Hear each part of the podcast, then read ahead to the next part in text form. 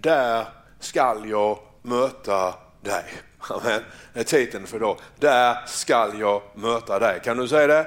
Där skall jag möta dig. Det finns alltså en plats där Gud han vill möta dig. Han sagt där skall jag möta dig. Och det är dit vi har varit på väg nu i flera, flera veckor. Och jag tycker det har varit helt underbart därför att jag har lärt mig så mycket själv. Ibland så talar man ju om att det är saker och ting som är gamla och som är omoderna. Och Vi ska prata lite grann till om det senare, men det här är ju någonting som är en skuggbild, en avspegling av någonting som finns. Halleluja! Som vi sa sist, var att änglarna på förlåten, det var inte en utsmyckling, utan det var någonting som reflekterade någonting som finns i verkligheten. Mm. Och, och, Det finns bara en väg in, jag ska inte gå igenom alltihop det här, men det är ju så bra. Va? Vi slår fast att det finns bara en religion om man säger så, och det är den som Jesus grundade.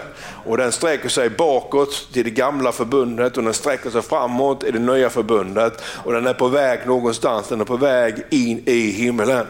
Jag och Karin vi pratade om lite grann om det igår, va? Att, att när man liksom på något sätt tar sig över på andra sidan så tror jag att det livet där är väldigt, på ett sätt väldigt likt det som vi har här.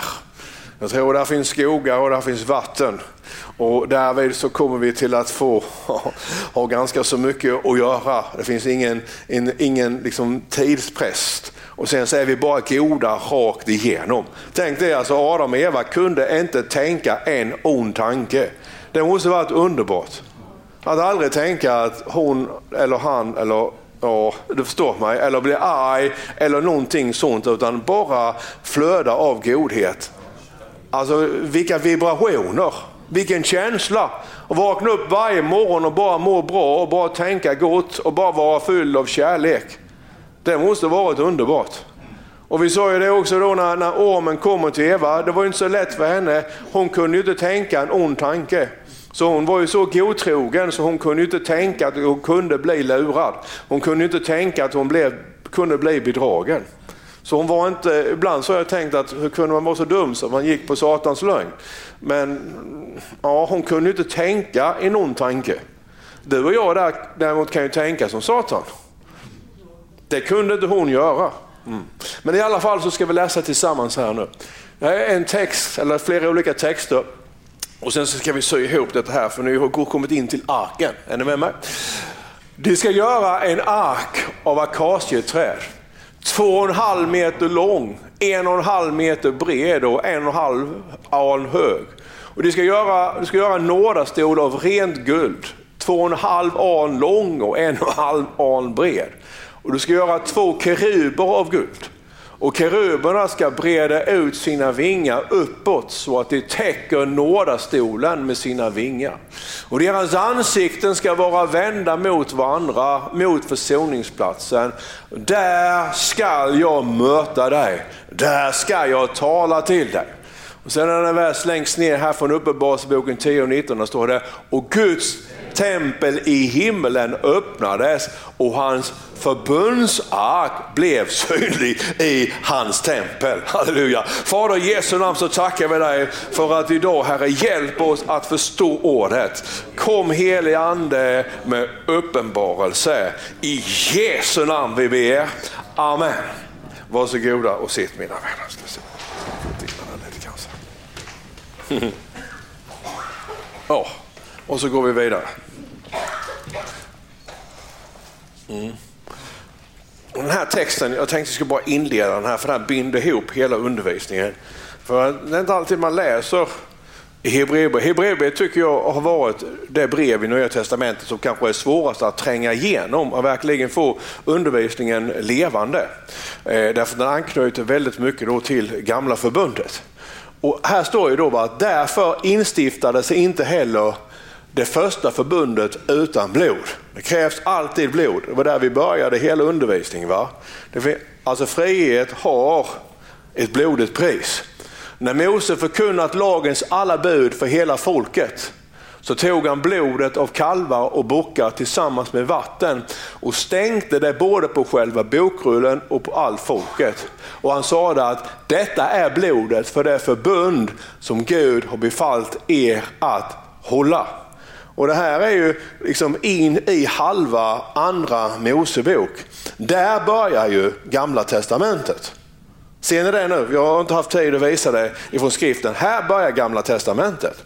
Alltså, så Abraham, om vi går tillbaka, Adam, Eva, Set, Henok, Noa, Abraham, Isak, Jakob, Josef.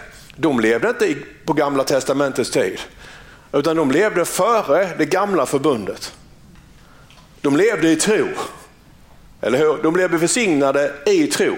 Abraham gav, välsignelse, eller gav tionde i tro. Vi såg att när Jakob han kom till Betel och himlen öppnade så han säger att här är ju själva porten till himmelen. Ja, änglarna steg upp och ner på trappan och längst upp där satt Gud. Och det är nästan som att känna som att Abraham ville, eller Jakob ville gå upp för trappan. Och sen slutade det med att han började ge tionde. Inte för att han kom in under lagen, därför att lagen var inte given, utan därför att han levde i tro. Så det är här som gamla testamentet börjar. Och så står det här då va, att på samma sätt så stänkte han blod på tabernaklet och på alla gudstjänstföremålen. Så renas enligt lagen nästan allting med blod och utan blod utges ges ingen förlåtelse. Så ni vet att allt det här som vi gått igenom nu, från brännofferaltaret och in liksom i det heliga till föremålen där, så bestänktes de med blod för att orena, eller för att rena från människors synd. Så Gud kunde vara där utifrån vad dessa här föremålen de betydde. Men sen växlar han här vid nu, så skriver han då i vers 23. Alltså måste avbilderna, kan du säga avbilderna? Ja, alltså det här är avbilder. Det vi gått igenom nu det är avbilder. Alltså måste avbilderna av det som finns i himmelen. Så det finns ett altare i himmelen. Det finns en vattenspegel i himmelen. Det finns en ljusstake i himlen. Alltså måste avbilden av det som finns i himlen renas med dessa medel, men de himmelska tingen, de himmelska tingen själva renas med bättre offer än så. Det krävdes ett bättre offer. Det, det, det funkar inte med en kalv, med en get. Här. Med bättre offer än så. Kristus gick inte in i en helgedom. Ser du nu, han gick inte in i en helgedom. Nu talar vi inte om templet i, Jerusalem. Han gick inte in i en helgedom som är gjord av människohand och som bara är en bild av den verkliga helgedomen. Han gick in i själva himlen. Jag älskar det här uttrycket. Han gick in i själva himlen. Kan du säga det? Han gick in i, alltså är du med? Han gick in i själva himmelen. Och varför gick han in i själva himmelen? Jo, det står han gick in i själva himmelen för att nu träda fram inför Guds ansikte för din skull. Det är bra. Alltså han har gått in i själva himmelen. Varför det då? För din skull. Och när han kommer då så kommer han inte med blod, blodet från kalvar och bockar och getter och duvar. Utan han kommer med sitt eget blod. Det är därför som han säger till Maria va, utanför graven, du får inte röra vid mig. Varför det? Då? Därför att om hon rörde vid honom så skulle blodet bli besmittat. Han var först tvungen att ta blodet in i själva himmelen. Någonting hade hänt i själva himmelen som hade orenat templet. Och fulla uppenbarelsen över det får vi när vi tar steget över. Det vet vi inte riktigt nu. Men han gick in i någonting i himlen och renade det. Han tvättade det rent. Det fanns ett uppror där som var tvunget att försonas. Och när det hade försonats då, halleluja, så helt plötsligt då så blev arken i templet i himlen synlig. Det är det det står om i uppenbarelseboken. Ser ni nu att allt hänger ihop? Det som hände då, det som hände där och det som händer nu. Allting är en enda stor helhet. Tabernaklet, templet i Jerusalem, templet i himmelen, detta templet, det templet, det templet. Allting har, hänger ihop på ett gudomligt sätt. Och här lever nu du och jag. Vi kan inte se i templet. Men vi kan ändå gå in i templet. Vi, vi lever i tro, halleluja. Vi tror att det finns ett hemligt tempel. Vi tror att när vi börjar be så hörs den bönen in i själva templet. Vi tror att när vi kommer in i anden så är vi satta i himlen tillsammans med Jesus. Så att vi i våra andliga kroppar rör oss på en plats som vi inte kan se. Vi rör oss på en plats som vi inte kan ta på. Vi tror på det övernaturliga. Halleluja. Ja. Så är det ju. Va? Så om vi får en slide till här så ska vi se. Och då är det så att muren är ju då riven. Kan du säga det? Muren är riven. Ja, och det jag menar då att man ser ju då evangelium i tabernaklet. Alltså förlåten är inte där längre. Ute på, på, på gården så var det solljus.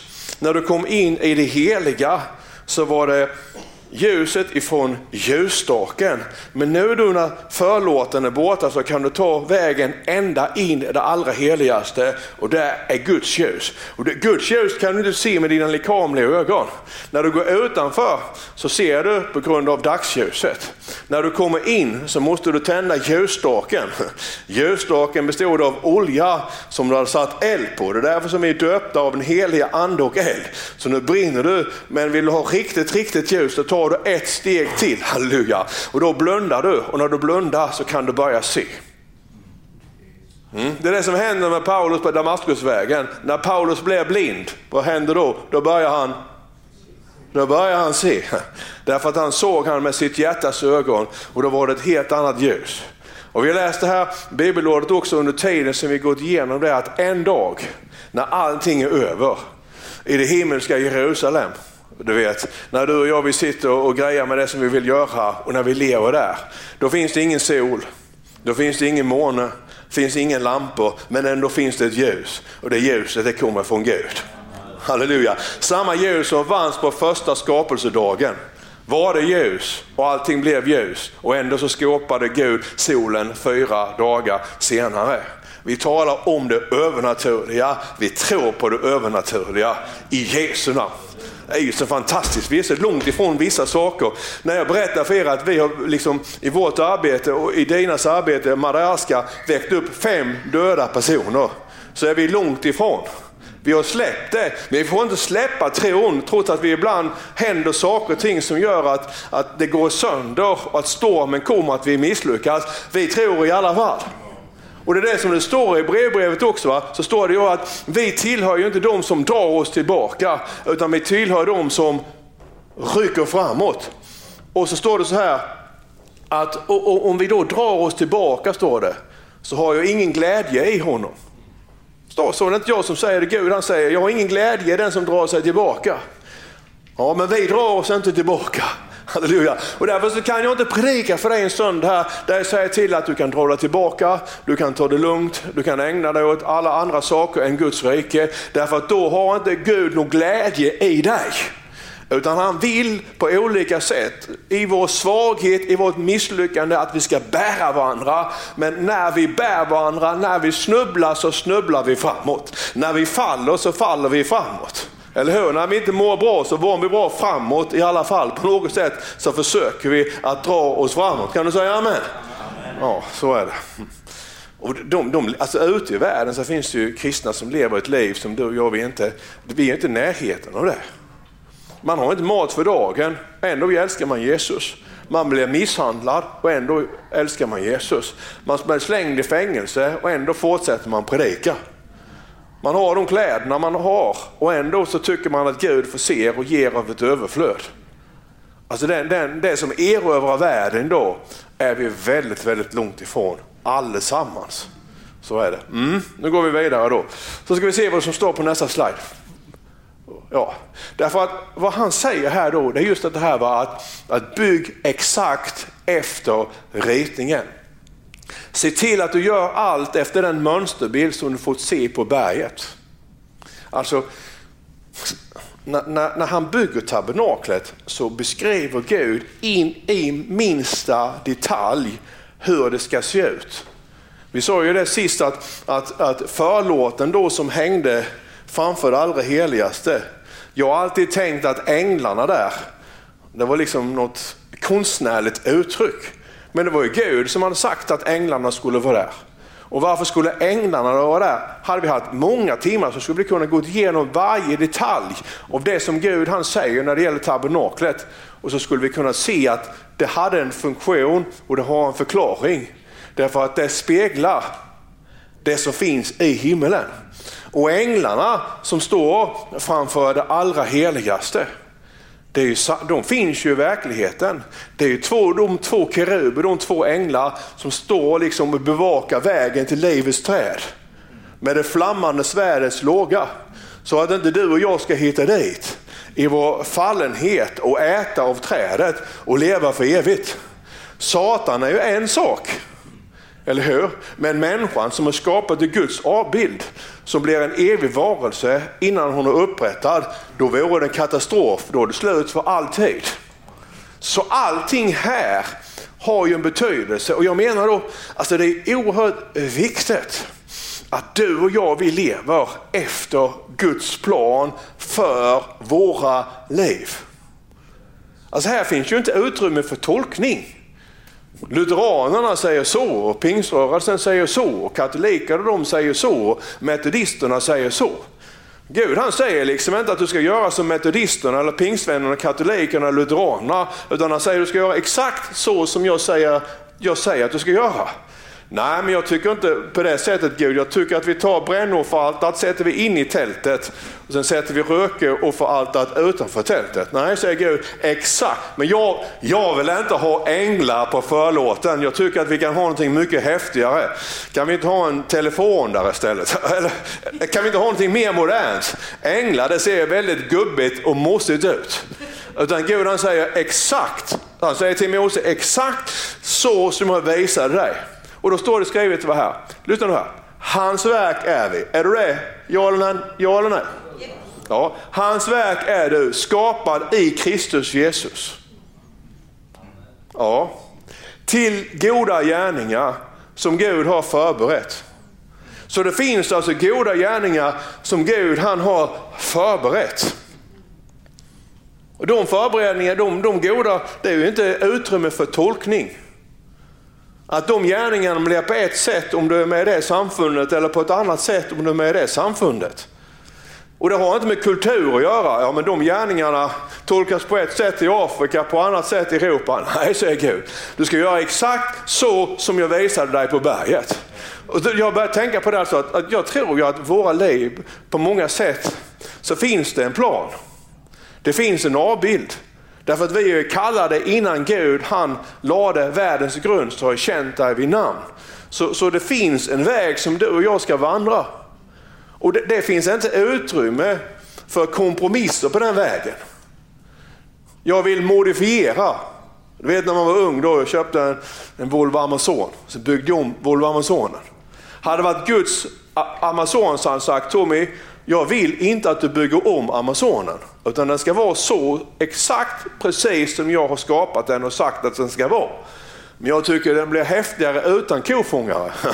Säger Gud, jag har byggt Amazonen för att det ska vara kofångare på den. Och därför så, så, så gäller det på något sätt att få fatt på visionen, att få fatt på mönsterbilden som är för ditt och mitt liv. Och det kan du inte, håller dig till den så blir livet som livet blir, men det blir rätt utifrån himmelen. Om alla här inne skulle leva perfekt efter mönsterbilden, hur tror du vår församling skulle se ut då? Hur tror du ditt liv skulle se ut då? Alltså här, här handlar det om att ödmjuka sig inför Gud och få tag på den himmelska visionen för ditt liv. Det spelar ju ingen roll liksom nu, jag, är, jag har varit här jättelänge, jag är 58 år gammal. Och då, när jag var, blev pastor här vid var 33 så tyckte jag liksom 58. Jag ska inte säga vad jag tyckte om de som var 58 då. Men, men elden är ju där i alla fall. Jag tyckte mer när man var 58 då att då var det upp tid att varva ner. Och, men det spelar ingen roll för att om det inte står varva ner i mönsterbilden. Om det står att du ska dra tillbaka i Guds plan så ska du ju inte dra dig tillbaka. Det handlar ju inte om, liksom, om vad, vad riksdagen har beslutat eller vad de tycker om dig. Eller vad någon annan tycker om dig heller för den delen. Det har ingen betydelse vad vår församling tycker om dig. Utan det som verkligen räknas det är att gör allt efter mönsterbilden som jag har visat dig.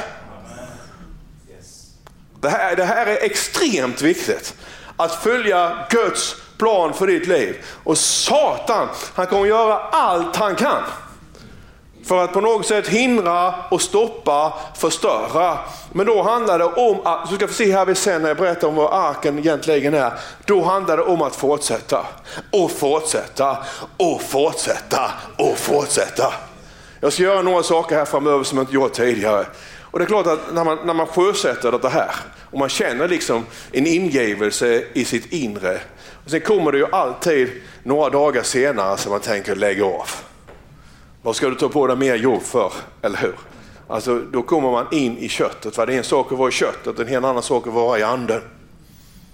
Mm. Men du måste följa det som du fått i anden. Även när du kommer i köttet, för köttet kommer du emellanåt. Och då får du komma ihåg vad du upplevde i anden, för det är där som planen finns. När du är köttet så finns det ingen plan överhuvudtaget, utan då tar din, din, din mänsklighet över. Du måste lyssna på det som finns i anden. Amen. Är du med mig? Lyssna på det som finns i anden. Vårt tv-program går över hela världen och vi var tvungna att spela in sex nya tv-program för Finland. Och det fungerar väldigt bra i Finland. Och undervisningsprogram i sig själv då, det är inte så lätt. Därför att amerikanerna är grymma på undervisningsprogram. Och alla människor idag som har tv, de har ju många olika kanaler. Så blir det alldeles så lite så det saknas tempo och inte intressant så gör de som du gör, byter de kanal. Så de, de dokumentärerna som vi gör då, de är ju bra på det sättet därför att de, de är snabba, det händer saker och ting, vi landar här, vi säger en sak, nya människor, kameravinklar, va? sen dyker vi upp på en annan plats. Så folk de sitter liksom så fängslade när de väl börjar titta. Och då, då så tänkte jag, ska vi spela in en serie nu med undervisningsprogram, det som jag har undervisat här, då, om eh, tabernaklet. Då kan vi inte ha en studio i Sverige för vi kan inte bygga en snygg studio. Det, det, det går liksom inte och i så fall skulle man egentligen haft livepublik. Så då åker vi ner till Jerusalem.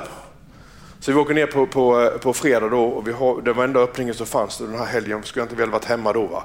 Du, du, kan liksom inte tänka liksom att nej men, vi gör inte det, det är så jobbigt. Och sen så ska vi ha eh, tillstånd. Du vet att få tillstånd att filma inne vid västra muren, det får man inte. Men vi får ju det, men man får ju gå långa vägar dit och få det. Och sen när vi väl är där så kommer det att komma flera av de judiska poliserna som är där och någon rabbin och börjar bråka med oss det blir krig precis hela tiden. Men vad som kommer ut av det här, det kommer ut i tv-program då som folk vill se på. Men man måste, är du med mig? Du kan inte göra det som andra gör och du kan inte göra det som andra gör eller har gjort för då får du deras resultat. Du måste våga ta steget utanför boxen och göra någonting som är annorlunda. Oavsett ålder. Är du med mig? Och ni som är yngre, tänk inte att ni är unga, halleluja. På samma sätt många säger, vänta till du blivit lite äldre. Vänta, till, vänta inte till du blivit äldre, utan fråga istället, vad är Guds plan för dig nu idag? Och det som är planen idag, gör det. Halleluja. Kan du slå till din granne och säga, in i planen. Ja, ja, för det står ju, han har förberett dem för att vi ska vandra i dem. Han har inte förberett dem för att du ska komma i hemlen. Så säger han till dig då att, men titta här lille Pelle, nu är du här hos mig. Ja, vad skönt det är Gud att jag är hos dig. Och detta här hade jag förberett för dig, men det gjorde ingenting att du inte gjorde någonting av det alls. Ja, någon grej gjorde du, men sen tröttnade du. Det har absolut ingen betydelse. Så är det ju inte. Utan det som han har förberett för dig, det har självklart en betydelse. Ner på knäna i Jesu namn. Eller hur? Jag var lite arg på er Får jag säga det? Alltså, jag predikade en serie i, i våras här, där, där, Gud, där Paulus han undervisar om, att, om att, att vi ska be att vi får eh, vishetens och uppenbarelsens ande. Och jag vill ju att ni skulle be det varje dag, för när man ber det så får man uppenbarelse. Och vi behöver ju få det. För då kommer han och visar dig, eller hur? Då uppenbarar han då. Vad uppenbarar han då? Jo, han uppenbarar ju kallelsen på ditt liv. Planen. Eller hur? När du ber och säger Gud, jag vill att uppenbarelsens ande ska komma över mig så, jag ser planen du har för mitt liv. Ja, nu behöver ni inte ha handuppräckning här, men många av er bad ju inte det, bad kanske en gång och bid varje dag. Så du ser att, jaha, det är det här. Amen.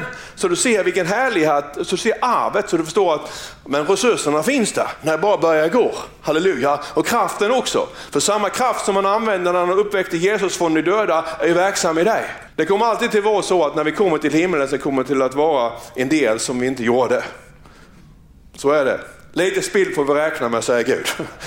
Och det tror jag också. va. Men, men ändå majoriteten, att på något sätt ligga där Gud kallar oss.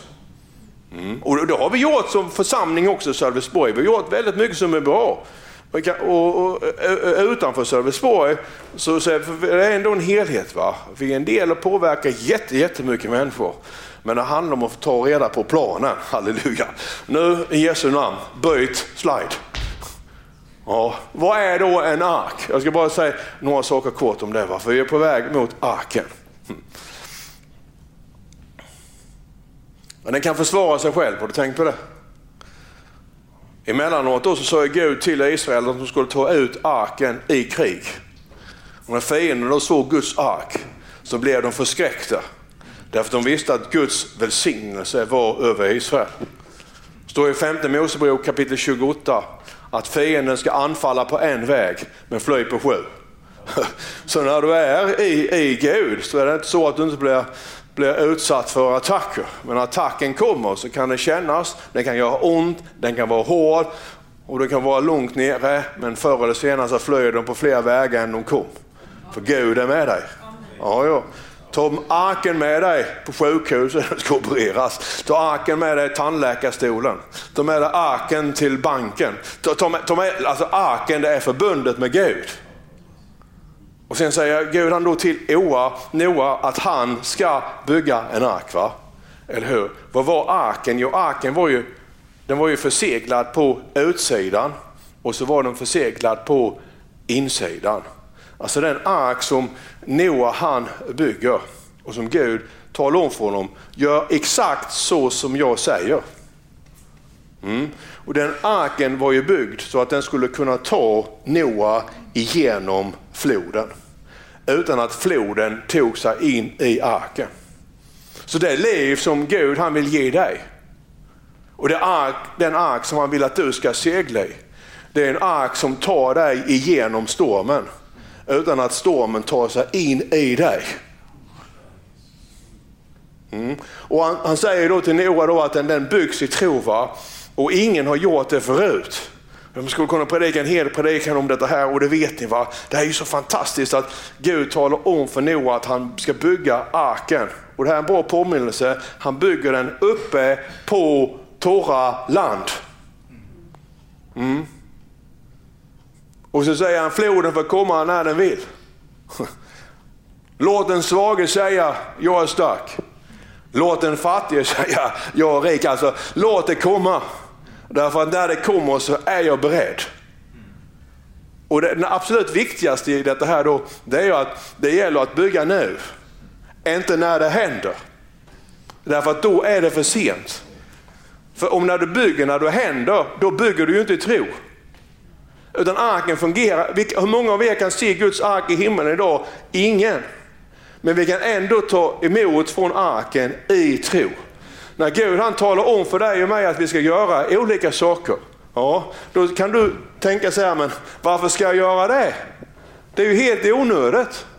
Ja, det var det ju. För hundra år i förväg så såg Gud till Noa, börja äh, bygga en ark. Noa skulle ha sagt, varför det då? Vädret är ju hur bra som helst. Och dessutom så ska jag bygga arken här. Gud, du har lite fel. Vattnet är ju där borta.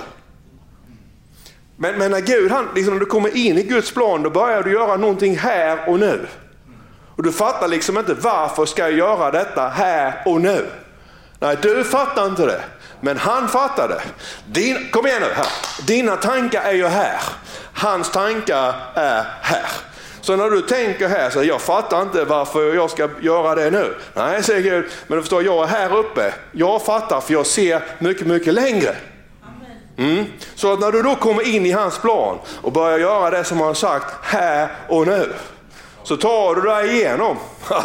det här är hur bra som helst. Alltså du, du bygger någonting. Alltså, du, du, du bygger en ark.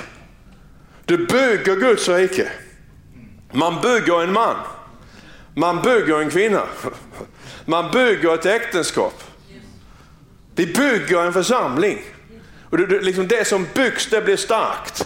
Och när man bygger det enligt Guds anvisningar, då på något sätt tar det sig igenom stormen. Samma sak med Moses mamma, eller hur? Det är samma ord för ark på båda ställena, alltså Noas ark.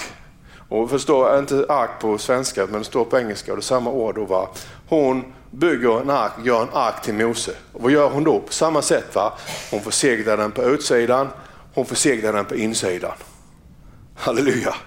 Och sen så, varför det då? Jo, för där i skulle hon lägga Mose. Hon räddade ju den som skulle rädda henne själv. Mm. Och sen så när hon då har förseglat arken så skjuter hon ut den i Nilen. Hon bygger någonting som ska kunna ta Mose då igenom Nilens krokodiler, Nilens giftormar. Mm. Och du och jag då, ni har säkert läst sista punkten va? Vi är ju förseglade med den helige ande. Mm. Varför är vi förseglade med en helig ande? Jo, därför att vi ska leva i den helige ande. Den helige ande blir som, som vår ark. Så när vi lever drivna av den helige ande, då, är, då har Gud förseglat oss med den helige ande.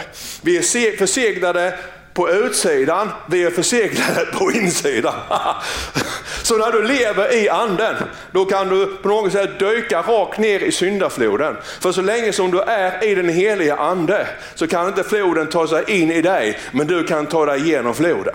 Då kan stormen komma. Så länge som du är i den heliga ande så har den heliga ande förseglat på ett sådant sätt så att du kan ta dig igenom stormen utan att stormen tar sig in i dig. Mm.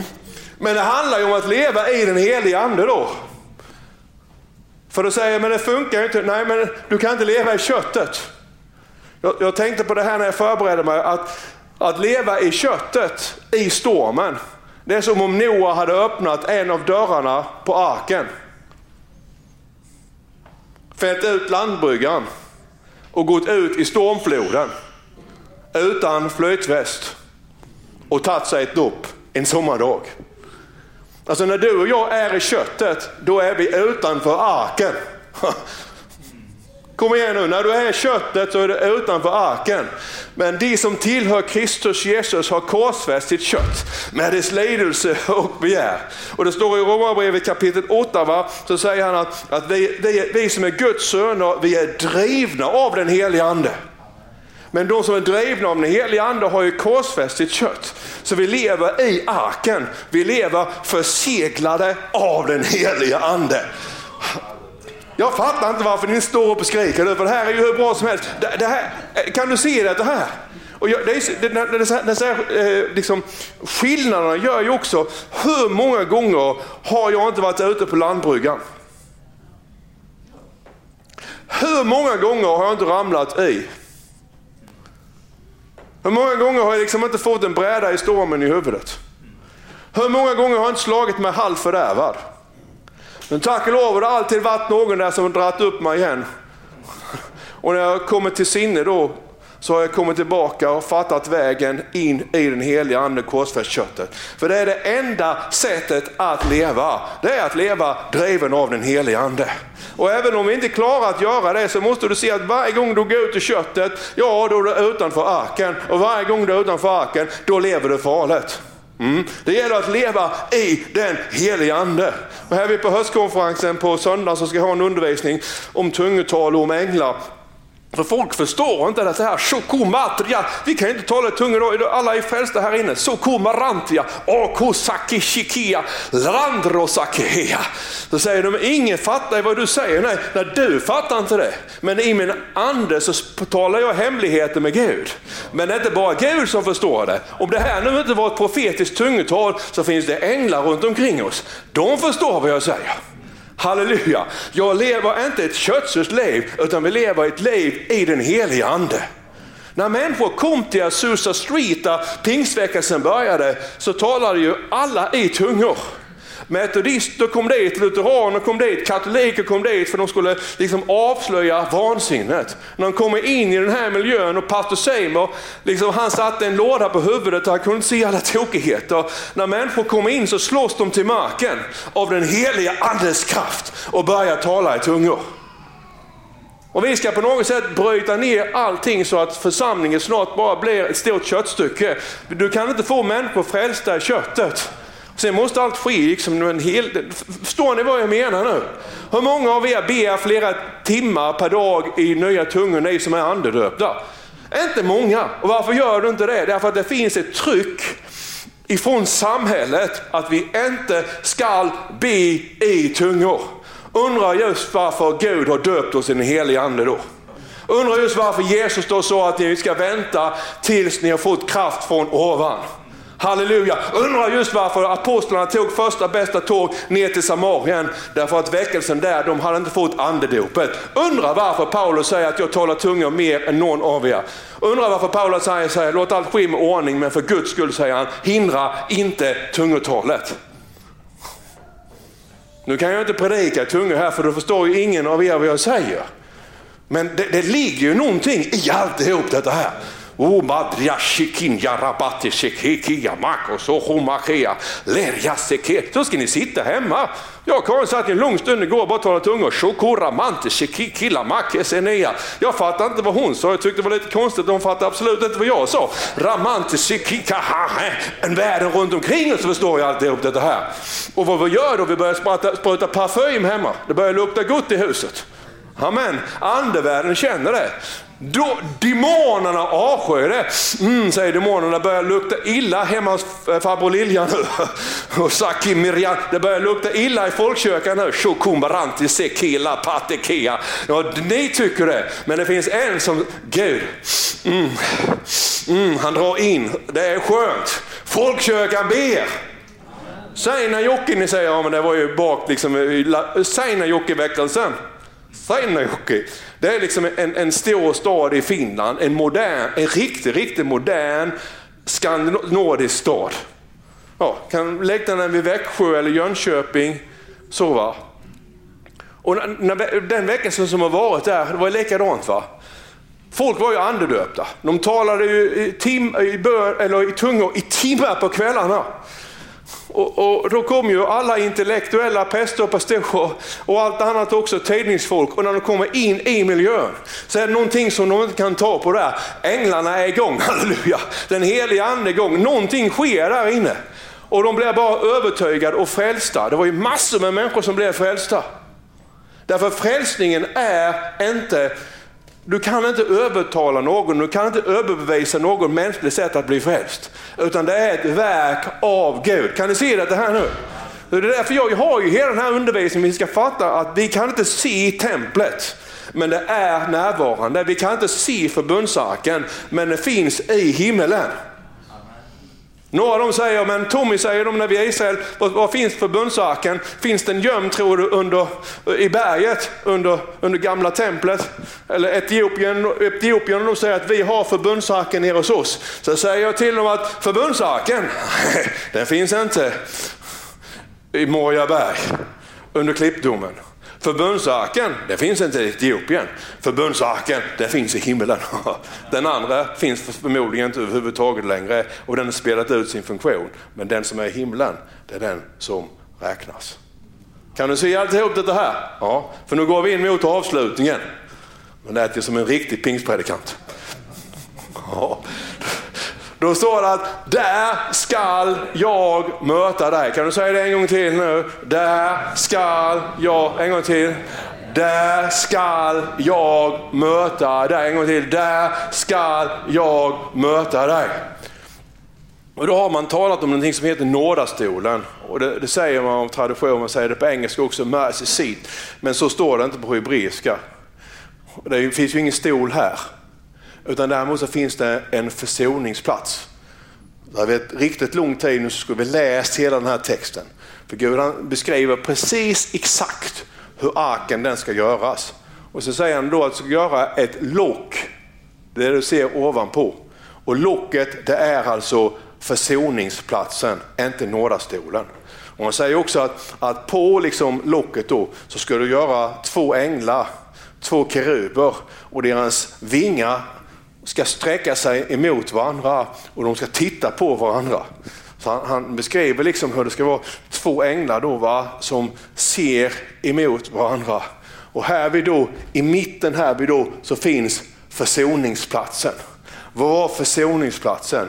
Jo, försoningsplatsen var den plats där, där översteprästen en gång om året gick in. En, en enda gång fick man gå in om året. Då gick han in med blodet.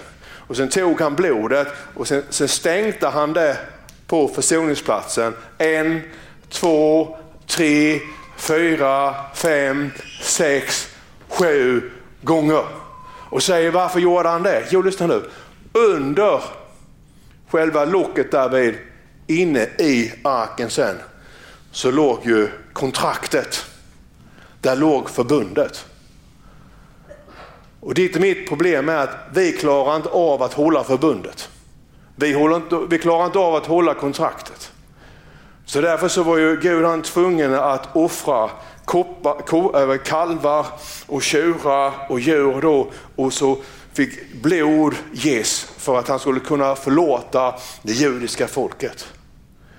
Men det står ju nu att nu har Jesus liksom gått in i det allra, allra heligaste, själva helgedomen. Vilket innebär att du och jag, vi har skrivit ett kontrakt med Gud. Vi tror på det nya förbundet. Och kontraktet gäller att Gud har sagt att jag har köpt dig fri. Satan begärde ett pris och det var min son och hans blod. Ja, och det kan låta lite så här när man pratar om det 2018, va? kontrakt och hans blod. Men det är ändå på det sättet. Och det, det, det här är kontraktet. Och när du då blir frälst så liksom skriver du under kontraktet. Kan du se det? Och sen tar Gud kontraktet och sen lägger han det i förbundsarken. Alltså arken betyder en behållare där kontraktet förvaras. Så kontraktet mellan dig och Gud, bildligt sett nu, ligger i förbundsarken som är en behållare, som är ett arkiv, som är ett kassaskåp och där i ligger kontraktet. Amen. Där, där finns kontraktet mellan Gud och Tommy där det står att jag är friköpt i och genom Jesu Kristi blod. Jag tror på det, jag har gått in i förbundet. Där ligger ditt kontrakt, där ligger ditt kontrakt, där ligger ditt kontrakt, där ligger allas våra kontrakt. Nu är det bara ett problem. Är det problemet Tommy. Ja, det är det. Därför att Gud han är, han är perfekt på att hålla kontraktet. Jag är däremot lite sämre. Jag är lite slarvig när det gäller det finstilta. Och Gud han är ju absolut, eller hur? Därför att allra lilla minsta brott mot kontraktet så är du död. Mm. Så när Gud han då kommer till arkivet, när han kommer till förbundsarken och ska liksom se vad var det nu jag och Tommy kom överens om. Så när han kommer dit då så finns det en försoningsplats. Och där har Jesus burit mina brister, min oförmåga att hålla kontraktet, halleluja.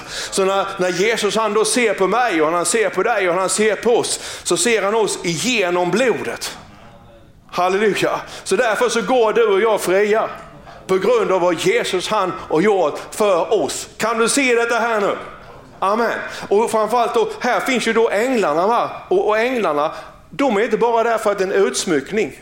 Utan när, när du och jag kommer in i själva templet i himlen så finns det riktiga änglar där. Och det är det som, som eh, kom här Karin, du ska visa, vi ska visa en sak så ska vi göra det tillsammans allihop. Du vet att det är samma, samma sak Kom igen nu, änglarna finns på riktigt. Kan du säga det? Änglarna finns på riktigt. Ja, och det står, Jesaja han skriver, i det år när Usaja regerade så var jag i templet och vad hände då? Jo, när jag var i templet så öppnades himmelen och då fick jag se Guds tron. Och då stod det på ena sidan av Guds tron så stod det en ängel. Eller hur? Och på andra sidan av Guds tron så stod det, stod det en annan ängel. Och de änglarna de hade ett samtal. Och den ena ängeln sa till den andra då, va? helig, helig, helig är Herren Gud Sebot. Helig, helig, helig är Herren Sebot. Ja, är du med mig? Så det, det var deras samtal. Vad pratade de om? De pratade inte om, hur tyckte du Tommys predikan var idag? Har du sett, vad var det för kläder han hade på sig? Liksom, vad hade Karin för kläder på sig? Hade hon bruna boots? Förstår ni? Det, var, det är liksom inte det som de samtalade om. Utan, utan samtalet inför Guds tron, det är ju där som härligheten byggs. Här finns ju försoningsplatsen. Och nu närmar sig du och jag försoningsplatsen och säger helig, helig, helig Karin, Herren ser bort. Helig, helig, helig. Ja, vi är liksom nästan, helig, helig, helig. Helig, helig, helig, helig. Och sen bara liksom helig, så här, helig, helig, helig, helig, helig, helig. Och när vi börjar sjunga helig nu så byggs ju hans härlighet. Varför det då? Jo, därför att Guds tron, halleluja, den vilar ju på Israels lovsånger. Meningen är ju att du och jag ska prata om Gud. Kan vi ställa oss upp tillsammans? Amen. Två och två. Jag tycker du, Tommy, vad är detta nu? Jo, kan du bara, kan du bara, kan du bara två två, sen tittar ni på varandra. Så säger ni så här, va? till den ena säger till den andra. Halleluja. Ora mantia shekinje Säger du helig, helig, helig. Helig, helig, helig är Herren Sebot. Hela jorden är fylld av hans härlighet. Kom igen nu. Helig, helig, helig är Herren Sebot. Hela jorden är fylld av hans härlighet. Helig, helig, helig är Herren Herren Sebot. Hela jorden är fylld av hans härlighet. Helig, helig, helig är Herren Sebot. Hela jorden är fylld av hans härlighet. Halleluja, amen. Vi talar ut det hela tiden. Helig, helig, helig. Det det. Vet, när vi börjar sjunga här i lovsången så sjunger vi inte lovsången för att vi sjunger den sången var bra. Den svensktoppen. Kom igen nu. Utan lovsången är ju, vi kommer inför tronen. Som änglarna, halleluja, vi stämmer in änglarna. Helig, helig, helig är Herren ser bort. Hela jorden är full av hans härlighet. Halleluja! Spotta och äh, äh, liksom överlåten. Ande och eld. Eller hur? När du kommer hem i eftermiddag så är ju tanken inte att du ska prata om vilka som var här. Eller vad jag hade för kläder. Eller vad jag jag liksom hade felsägningar och sådär. Utan när ni kommer hem i efter, sitter i bilen då, när jag och Karin vill köra hem, halleluja, så kör vi liksom från ena sidan till den andra, lite drucknande helig ande. Va? Helig, helig, helig, Herren ser bort. Va? Så komat yashikit, jag började tala tungor. Änglarna landar på taket. Romant yashikia, latja så komat sekia. Halleluja, bilen lyfter från marken. Vi glider över, över kvarteret. Va? Och landar liksom. Brum. Säger var är helikoptern? Det är ingen helikopter, halleluja. Är det ny sorts Audi? Nej, det är änglarna som har lyft bilen. Ja, är du här idag? Det här, det här är ju på något sätt, här, himlen öppnades. Och, och det, det, är ju där, när vi känner Guds härlighet, det är där som du och jag ska vara. Amen. Ja, eh, när, jag, när ni ber nu här vid, på morgnarna framöver då, så, så, så tänk på detta. Då, då, då, har jag repeterat det så många gånger så ni kan ju det här nu då. va. Börja fundera liksom på att du går in, du kan, du kan känna det när du blundar. Ja, du går in genom, genom porten här vid till tabernaklet. Du kommer fram liksom till, till altaret, du vet att du är förlåten och du är döpt. va. Du går in och du vet att Jesus är livets bröd, han är dig och du är i honom. Du kommer till, till ljusstaken med oljan och ljuset. Du kommer till rökelsealtaret, bönen och förlåten är inte där längre. Så du går in till Gud och umgås tillsammans med honom. Den här bilden hjälper oss lite grann, tabernakelbönen. Det hjälper oss liksom att, att koppla av och verkligen se det som är på riktigt. Halleluja. Amen. Mm. Ska vi gå inför Herrens tron nu? Herre, ja. Herre, vi prisar och lovar dig. Och vi tackar dig för att du är den levande guden. Vi tackar dig för att du är den enda guden. Vi tackar dig för att du är min Gud, för att du är vår Gud. Vi tackar dig för att du är den som lever och finns till, Herre. Vi ber Fader i Jesu namn att när vi nu Herre lyfter upp vår röst inför dig Herre, när vi kommer i lovsång inför ditt ansikte Herre, så, herre så, så lämnar vi liksom det kötsliga nu Herre. Vi blundar Herre och går in i anden Herre, inför din tron Herre, inför ditt ansikte Herre, i den heliga Ande. I Jesu namn Herre, i Jesu namn Herre, i Jesu namn.